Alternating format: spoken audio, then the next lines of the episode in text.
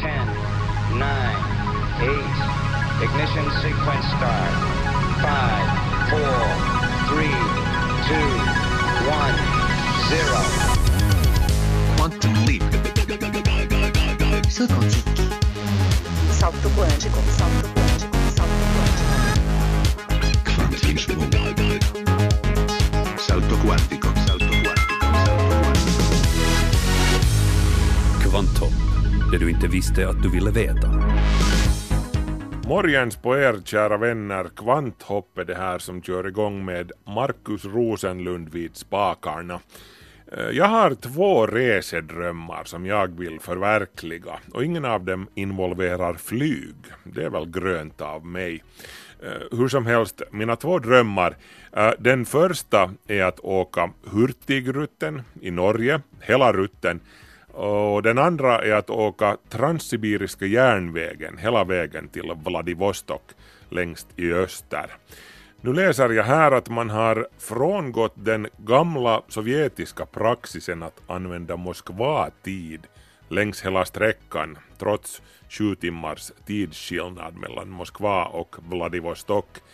Systemet infördes ursprungligen för att passagerarna inte skulle behöva ställa om sina klockor hela tiden under resans gång. Men sedan den första augusti så vrider man klockan enligt var man är på sträckan. Det blir mycket vridande det. Ingenting för alla er som inte tycker om det där med att vrida klockan hit och dit. Ni ska ju slippa det nu. Jag har ingenting emot det så jag tänker nog åka förr eller senare. Nåja, nog om det. I veckans kvanthopp ska vi tala om orkaner och tyfoner. Blir de riktigt starka stormarna fler i framtiden när klimatet värms upp? Har de redan blivit fler? Vi hör ju hela tiden om orkaner som pinar olika delar av världen. Så ska vi snacka om Pluto, den före detta planeten som blev orättvist behandlad då den gick miste om sin planetstatus. Detta enligt en ny studie på temat. Och så ska det handla om att artificiell intelligens nu ska börja utnyttjas som arkitekt. Det moderna arbetssättet går ut på att arkitekten sätter gränsvärden, alltså ställer vissa krav och sen låter datorn söka fram olika designalternativ. Till exempel var fönster kunde vara placerade för att maximera ljuset eller vilka bitar en vägg kunde bestå av.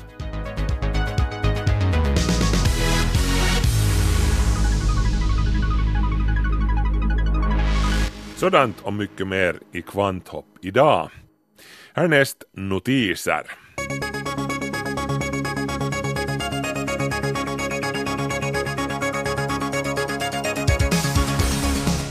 Den japanska rymdsonden Hayabusa 2 kommer inom de närmaste veckorna att försöka sig på en landning på asteroiden Ryugu, en bumling på knappt en kilometers storlek. Närmare bestämt så är det sondens fyra medhavda små landare som ska stå för själva närkontakten. De två första landarna vid namn Rover 1A och 1B ska enligt planen frigöras den 21 september. Moderskeppet Hayabusa 2 kommer då det här sker att ligga på en 60 meters höjd ovanför asteroiden. De två små landarna som ser ut som robotdammsugare ungefär är försedda med kameror så vi kommer förhoppningsvis att få se de första bilderna någonsin tagna på en asteroid. Landarna kommer att kunna röra på sig på asteroiden genom att hoppa hit och dit. Asteroiden och dess tyngdkraft är så pass liten att det inte behövs mycket energi till att göra några skutt. Själva sonden Hayabusa 2 kommer senare också att försöka sig på att ta prover från asteroiden, prover som sedan skickas till jorden för analys. Flygplanstillverkaren Airbus ska förse sina fartyg med segel som minskar på deras bränsleförbrukning med en femtedel. Airbus har alltså en flotta av fartyg som de använder för att transportera flygplansdelar mellan företagets produktionsanläggningar i Europa och USA. Och nu tänker Airbus alltså tillämpa sin erfarenhet av vingar till att ge en extra knuff åt de här fartygen. Sea Wing kallas den här tekniken som i princip är som en stor fallskärm eller en drake som spänns upp framför fartyget. Seglet fungerar med andra ord främst på undanvind. Kryssa kan man inte med det.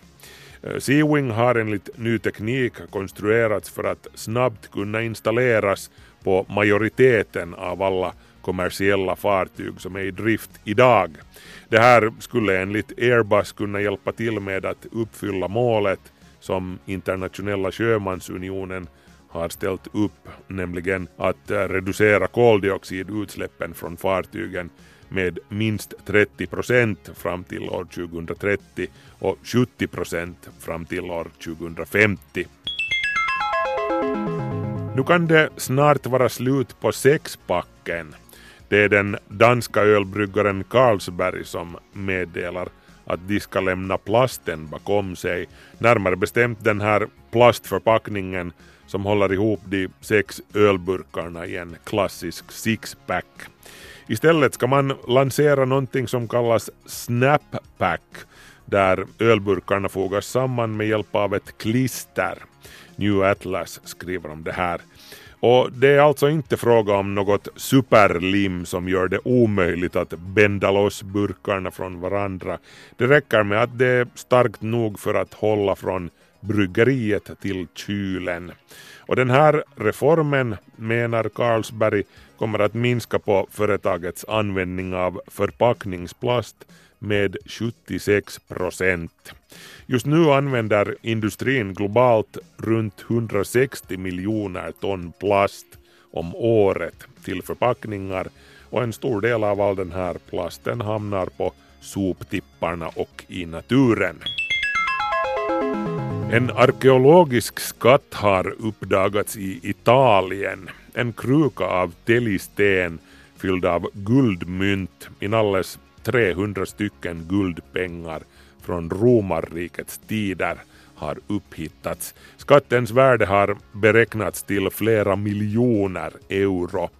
Mynten är präglade på 400-talet, alltså under det västromerska imperiets sista tider. Just det här gör fyndet så unikt eftersom det är väldigt ont om penningfynd från den tiden. Det var dåliga tider, imperiet var i upplösningstillstånd så det fanns väldigt lite pengar i omlopp. Arkeologerna antar att mynten inte har tillhört en privatperson utan snarare en bank eller liknande. Krukan upphittades i jorden i staden Como under en övergiven teater från 1800-talet som man var i färd med att riva för att ge utrymme åt bostadshus. Men det byggnadsprojektet har nu lagts på is medan man gör ytterligare utgrävningar.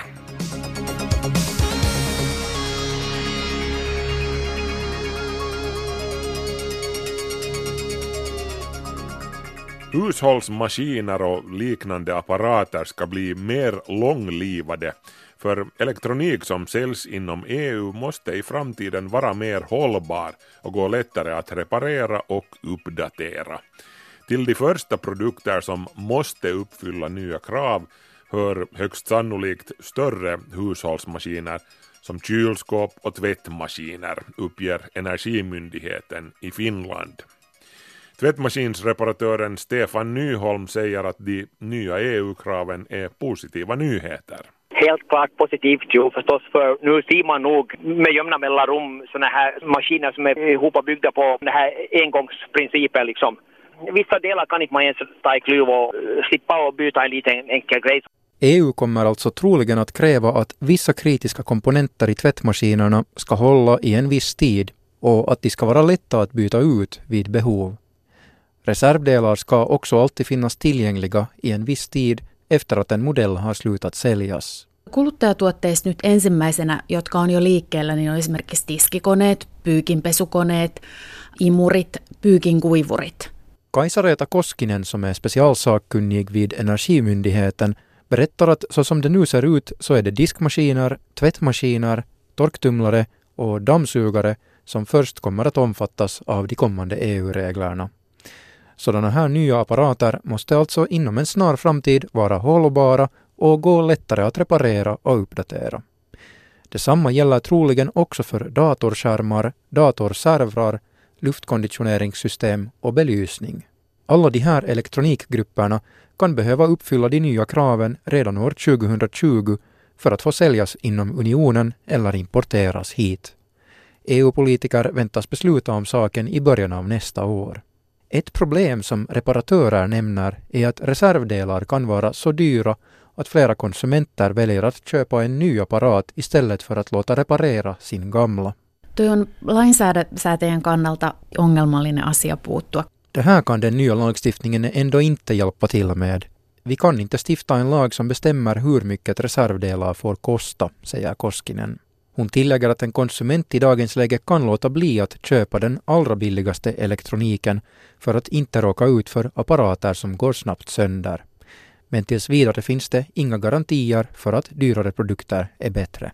Målet med den nya lagstiftningen är att elektroniken ska bli bättre utan att det i längden ska bli dyrare för konsumenterna. En apparat kan alltså bli lite dyrare att köpa, men den ska hålla betydligt längre. Reporter i det inslaget var Niklas Fagerström. Kvanthopp snabela yle.fi. Baserat på det som man ser på nyheterna numera så kunde man ju tro att allsköns orkaner, tyfoner och cykloner, de är olika namn för samma sak, blir bara vanligare hela tiden. Men hur är det egentligen med den saken? Det har varit orkaner för hela slanten den här veckan. Inte mindre än fyra orkaner har härjat på dels Atlanten och dels Stilla havet. De mest märkbara av dem är Florence som drog in över sydöstra USA i fredags och eh, supertyfonen Mankut som i skrivande stund står i beråd att ramma Filippinernas huvudö Luzon. Mankut med vindstyrkor på 91 meter per sekund som mest har 10 miljoner människor i siktet. Huvudsakligen fattiga människor som inte har samma möjligheter till att evakuera sig som amerikanerna i sydöstra USA. Florence är betydligt svagare än Mankut. När jag spelar in det här blåser Florence med 40 meter i sekunden ungefär och klassas som en kategori 1-orkan på Saffir-Simpsons orkanskala från 1 till 5. Men den befaras ändå ställa till med stora materiella skador huvudsakligen i delstaterna North Carolina och South Carolina. Man ska alltså inte stirra sig blind på det här med orkanens kategori. Vindstyrkan är inte allt. Florence är en stor, långsamt avancerande storm som bokstavligen vräker ner vatten på USAs östkust, i värsta fall i flera dagar i sträck. I det avseendet påminner Florence om orkanen Harvey som dumpade uppemot en meter nederbörd på Texas under bara fyra dagar i augusti i fjol. Minst 93 människor miste livet då.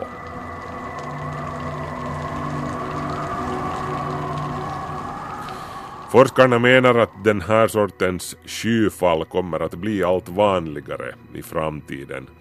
Faktum är att vi ser det redan nu enligt en studie som publicerades i tidskriften Nature i somras har hastigheten som stormarna avancerar med minskat med 10 procent sedan mitten av 1900-talet som en direkt följd av den globala uppvärmningen.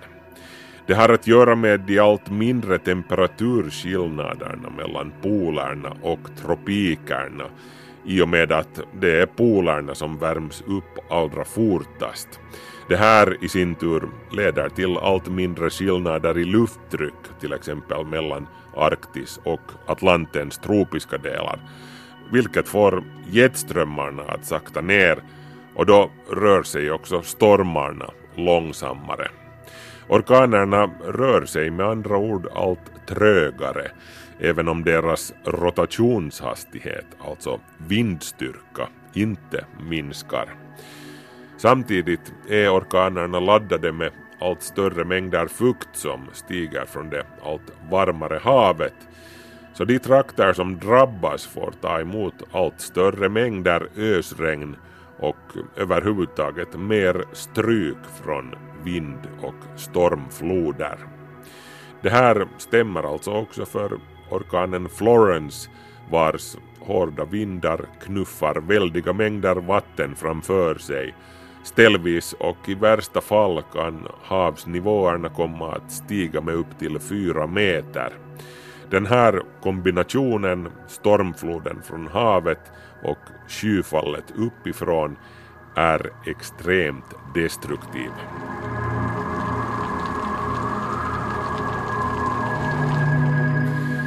Och det är en kombination som kan bli allt mer destruktiv i framtiden om modellerna som bland annat FNs klimatpanel IPCCs senaste rapport bygger på håller streck. Delvis på grund av det stigande havet som beräknas stiga med omkring en meter fram till seklets slut då isen smälter. Det här resulterar i allt svårare stormfloder speciellt i låglänta kustområden som till exempel det väldigt tättbefolkade Gangesdeltat i Sydostasien. Och regnmängderna kommer också enligt datormodellerna att öka på grund av den globala uppvärmningen. Modellerna som utgår från en uppvärmning på 2 grader Celsius fram till seklets slut tyder på en uppemot 15 procent större regnmängd inom en 100 kilometers radie från en tropisk cyklons öga. Vindstyrkan i cyklonerna beräknas enligt samma modeller öka med upp till 10 procent. Då talar vi alltså utgående från en temperaturhöjning på max 2 grader Celsius innan seklet är till ända. Men en 10 procent starkare storm innebär inte att stormskadorna bara blir 10 procent större utan de skulle då öka ännu mer.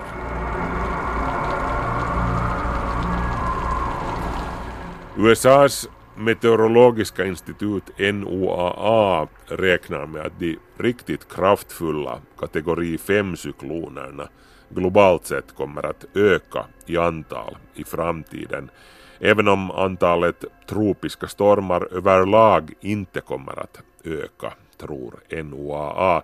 De kan till och med bli lite färre, men de riktigt starka stormarna kommer alltså att öka globalt förutspår NOAA. För Atlantens del är sannolikheten för fler riktigt starka stormar däremot inte riktigt lika stor som för till exempel Stilla havet.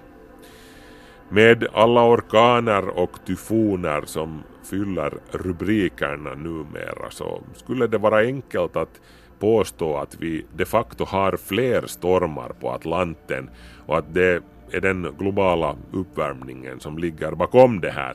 Men det här är lite knepigt. PDI-indexet som sammanfattar de tropiska stormarnas destruktiva kraft på Atlanten som summan av flera faktorer inklusive frekvens och styrka. Det indexet har förvisso gått upp sedan 1970-talet.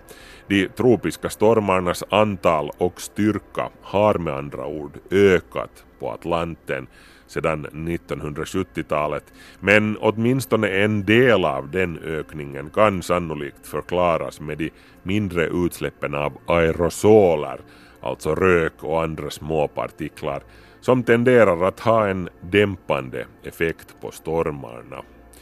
Fast i och för sig som NOAA påpekar Samtidigt har yttemperaturerna i den tropiska delen av Atlanten bevisligen stigit kraftigt sedan 70-talet, vilket mer sannolikt beror på den globala uppvärmningen. Så det finns åtminstone något slags statistiskt samband som man kan peka på där. Och om man lägger fokus på sambandet mellan stigande yttemperaturer i den tropiska delen av Atlanten och orkanernas destruktiva potential i framtiden, då menar NOAA att det finns en stor risk för att vi får se en dramatisk höjning av PDI-indexet med upp till 300 procent, eller på ren svenska riktigt rejält mycket brutalare stormar i framtiden.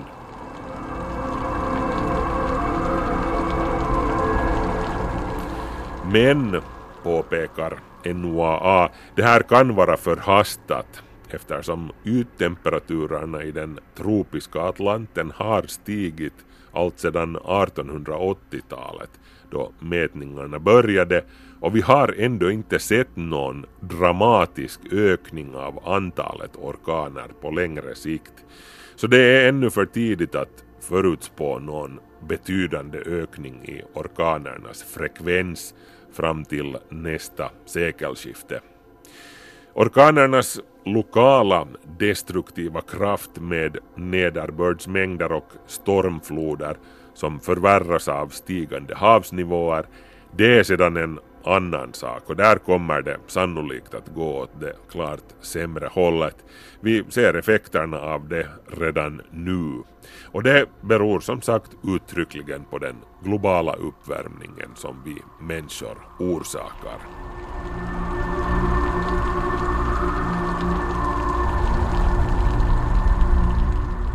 Artificiella intelligenser ska börja prya som arkitekter. Om det ska vi tala härnäst i Kvanthopp. Automationen hjälper till i många olika yrken. På sistone har också arkitekter fått allt mer hjälp av datorn. Delar av byggnader och andra konstruktioner kan planeras med hjälp av algoritmer eller artificiell intelligens. Det moderna arbetssättet går ut på att arkitekten sätter gränsvärden, alltså ställer vissa krav och sen låter datorn söka fram olika designalternativ. Till exempel var fönster kunde vara placerade för att maximera ljuset eller vilka bitar en vägg kunde bestå av. Också enklare delar av designprocessen, som oftast kan vara ganska manuell eller tråkig, kan överlåtas till algoritmerna. Det har stor betydelse i det dagliga arbetet. Det konstaterar arkitekten Marcus Vikar. Så på det sättet snabbar det upp processen mycket och, och sen också i byggprojekt så, är det ju, så hamnar man ju ofta att äh, ändra på, på designen. Det kan handla om budget eller alla möjliga olika saker spelar in där. Så det här är ju en, en flexibel metod att, redan i ett tidigt skede ha en, en god uppfattning om vad man vill åstadkomma men samtidigt är, är, med, är den här, så möjliggör den här sättet att planera ganska stor flexibilitet. Datorn kan komma med lösningar som arkitekten inte hade kommit att tänka på själv. Med hjälp av sådan här algoritmassisterad planering, eller generativ design som det också kallas, kan arkitekten relativt lätt ta fram fantasifulla paneler och fasader. Systemet kan också skapa bärande konstruktioner med ovanliga former. Det kommande centrumbiblioteket i Helsingfors med sin böljande väggyta är ett exempel på det här, påpekar Vikar har ju väldigt stor betydelse att nu kan vi göra sån arkitektur som inte skulle vara möjlig att göra på annat sätt. Byggnader som ser annorlunda ut än, än det som vi är vana med. Det här ställer krav på att fler och fler arkitekter behöver lära sig programmera för att själva kunna skapa de algoritmer som behövs. Byggbranschen är kanske en av de sista som digitaliseras på riktigt. Att vi har länge ritat på datorn, men det har varit mer så att det ersätter papper och penna. Och nu först så börjar vi ha nya planeringsmetoder Tekniken används också för att ta fram annat än byggnader. Till exempel broar kan planeras betydligt snabbare, påpekar Mauri Laasonen som är utvecklingsdirektör på konsultföretaget Sweco. Se nopeuttaa ihan tajuttomasti mallintamista eli tuota, ja, ja samoin vaihtoehtojen tuottamista. Että det snabbar upp modelleringen otroligt mycket, berättar han. Att ta fram många olika alternativ manuellt skulle vara arbetsdrygt. Nu kan man ändra på en enskild faktor till exempel brons lutning eller en viss dels tjocklek och sen förändrar systemet automatiskt en massa andra faktorer. Algoritmer kan också användas för att optimera ett kontorsutrymme och planera hur mötesrum, allmänna utrymmen och arbetsbord borde placeras för att det ska fungera bäst utgående från många olika kriterier.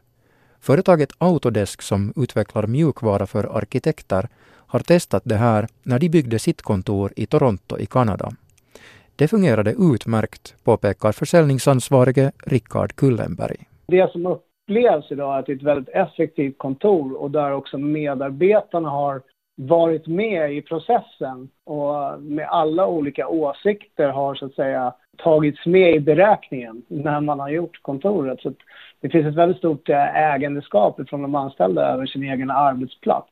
Dessutom kan artificiell intelligens användas för att försöka sålla fram de allra bästa designalternativen bland de många alternativ datorn kan komma fram till.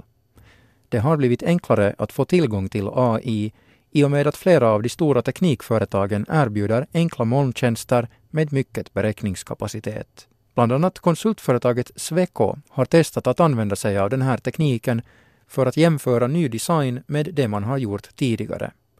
Tanken är bland annat att systemet ska lära sig vad som är bra design.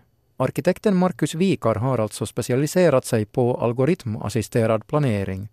Han använde det här arbetssättet till exempel när han skapade en äggformad träglob till naturcentret Haltia i Noks nationalpark.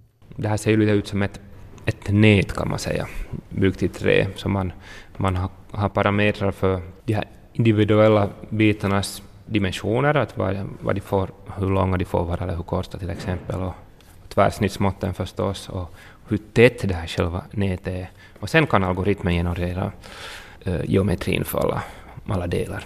Vikar tillägger att man med hjälp av algoritmassisterad planering kan skapa mer expressiv arkitektur på ett sätt som ändå är rationellt och kostnadseffektivt. Till exempel i metall, betong eller trä. Han påpekar att det i Finland är ganska tacksamt att jobba i trä, för det finns mycket trä tillgängligt här och så finns det maskiner som kan bearbeta det.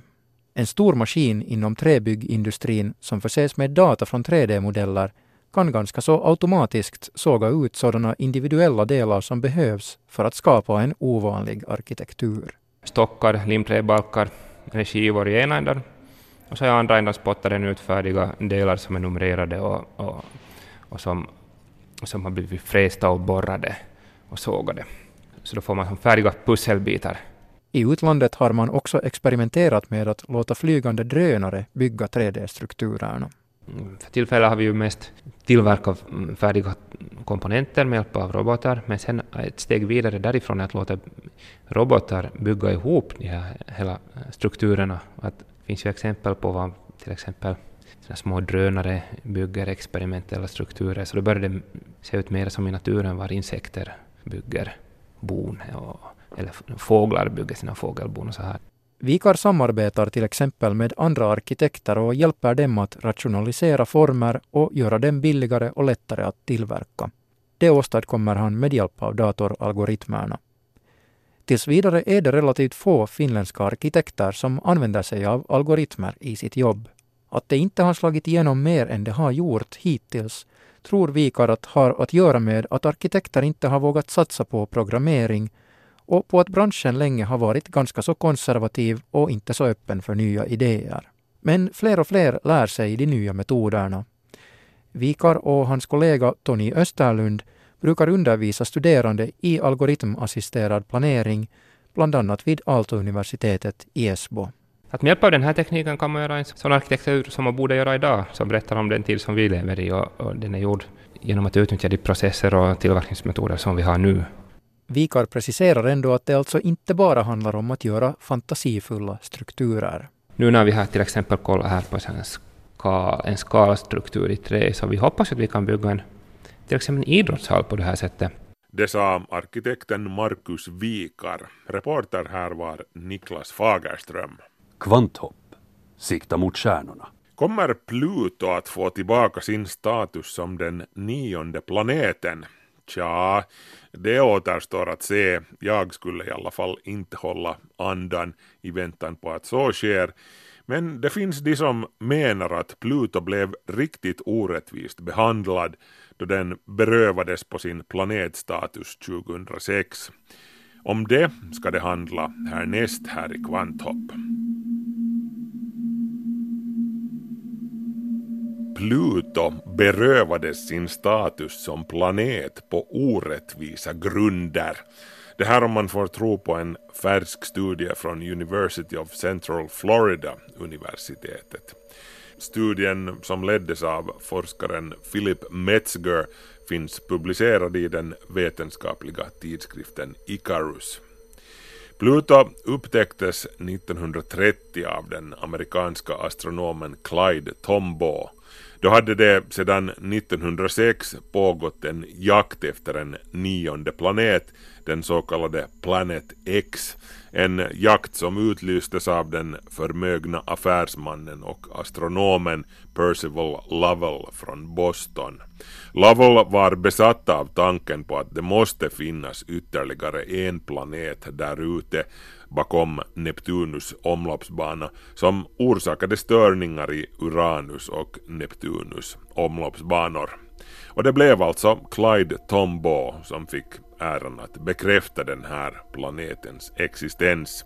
Upptäckten av planet 9 var en av sin tids mediesensationer med rubriker över hela världen.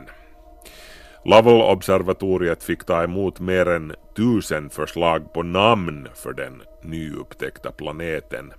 Namnförslaget Pluto kom från en 11-årig skolflicka vid namn Venetia Burney i Oxford i England.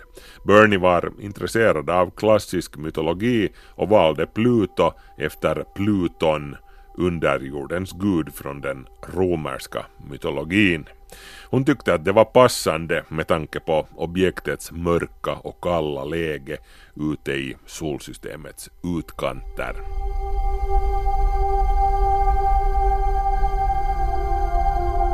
Lovell-observatoriet ordnade en omröstning bland sina medlemmar som fick välja mellan tre namn som hade tagit sig till final så att säga. Minerva, Kronos och Pluto. Pluto kammade hem samtliga röster och så var den saken avgjord. Venetia Burney fick fem pund av sin morfar som belöning för sin insats. De ursprungliga mätningarna gav vid handen att Pluto hade en massa som var i klass med jordens. Det dröjde till 1978 innan man lyckades bekräfta planetens massa i samband med att man upptäckte Plutos måne Charon. Och det visade ju sig då att Pluto var mycket mindre än man hade trott. Plutos massa är bara en femtedel av vår egen månes massa, på tok för lite för att kunna störa Uranus och Neptunus omloppsbanor så som Percival Lovell hade hävdat. Till exempel så är Pluto mindre än Neptunus måne Triton vars geologi och atmosfär påminner om Plutos. Dvärgplaneten Eris är också större än Pluto mätt enligt massa, men inte enligt volym.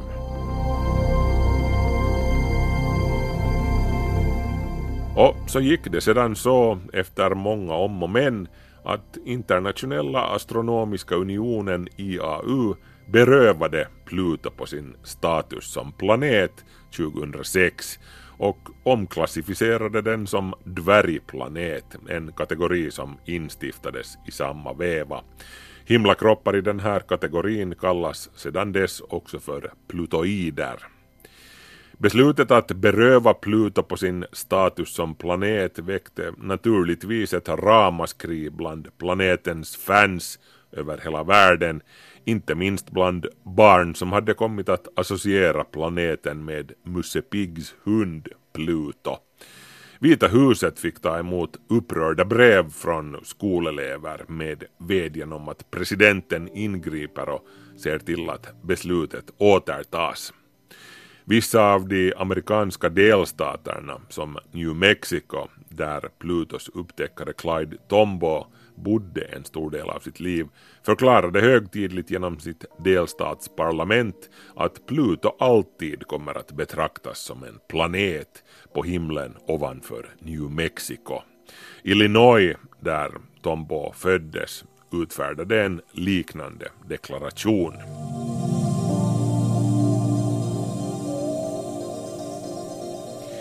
Men det var inte bara lekmän som var upprörda. Det fanns astronomer som redan då tyckte att beslutet att nedgradera Pluto till dvärgplanet var förhastat och de försökte få IAU att återta sitt beslut men förgäves. Nå, vilka är då de tre kriterier för en himlakropp som måste uppfyllas om den ska få kallas planet? De tre kriterierna är enligt Internationella astronomiska unionen 1. Objektet måste ligga i omloppsbana runt solen. Okej, där klarar sig Pluto bra. Eh, 2. Objektet måste ha en tillräckligt stor massa för att dess egen tyngdkraft ska kunna forma det till en sfär. Himlakroppen måste vara rund med andra ord. Och det är ju Pluto. Och 3. objektet måste ha röjt sin egen omloppsbana. Det vill säga himlakroppen i fråga måste vara det mest massiva på just den banan. Och det är på den här punkten som Pluto kommer till korta. Pluto delar sin omloppsbana med diverse andra små kroppar från Kuiperbältet och med frusna stoftmoln som tillsammans är betydligt tyngre än Pluto. Plus att Neptunus påverkar Plutos omloppsbana med sin gravitation. Problemet med den här definitionen är bara det att den tycks sakna vetenskaplig grund. Det finns inte något prejudikat för det om vi använder en juridisk term här. Forskaren Philip Metzger från University of Central Florida, som alltså har lett en färsk studie på temat, lägger ut texten i en intervju för India Today. Han och hans kollegor hittade bara en enda vetenskaplig referens där kriterierna på en planet är att den har den största tyngdkraften i sin omloppsbana. Och också den studien är mer än 200 år gammal och betraktas allmänt som föråldrad. Som Metzger säger, en himlakropps status som planet borde baseras på inneboende verkliga egenskaper snarare än på dynamiska faktorer som dess omloppsbana. Ingen planet har en orubblig omloppsbana, också jordens bana skiftar med tiden, påpekar Metzger.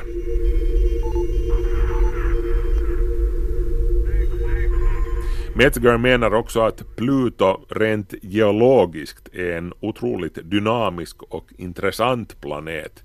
Den näst intressantaste i solsystemet strax efter jorden. Definitivt mer dynamisk och intressant än den geologiskt statiska och döda Mars. Så bara ur den synvinkeln skulle Pluto kunna försvara sin status som planet. Men hur menar Metzger då att en planet borde definieras? Jo, man borde, menar han, lyfta upp Internationella astronomiska unionens tredje kriterium och utgå från det, alltså en kropp som är stor nog att formas till en sfär av sin egen tyngdkraft. Men håll inte andan i väntan på att IAU ska återställa Plutos planetstatus. I de här frågorna skyndar man väldigt långsamt. Däremot så är det ju inte alls uteslutet att vi kommer att ha en nionde planet igen i något skede. Det finns indirekta tecken som tyder på att det finns en nionde planet där ute i solsystemets mörka utkanter. En som till och med kan vara mycket större än jorden. Men vi får återkomma till det om och när den upptäcks. Till dess får vi nöja oss med åtta planeter i solsystemet.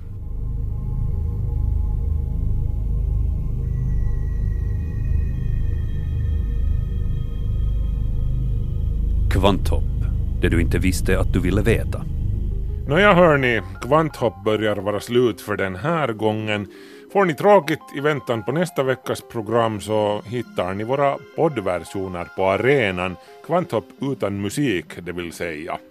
Och så har vi ju Besseret Visser, vår andra podcast som ni kan höra också på arenan. Markus Rosenlund så heter jag och vi hörs igen om en vecka. Hej så länge!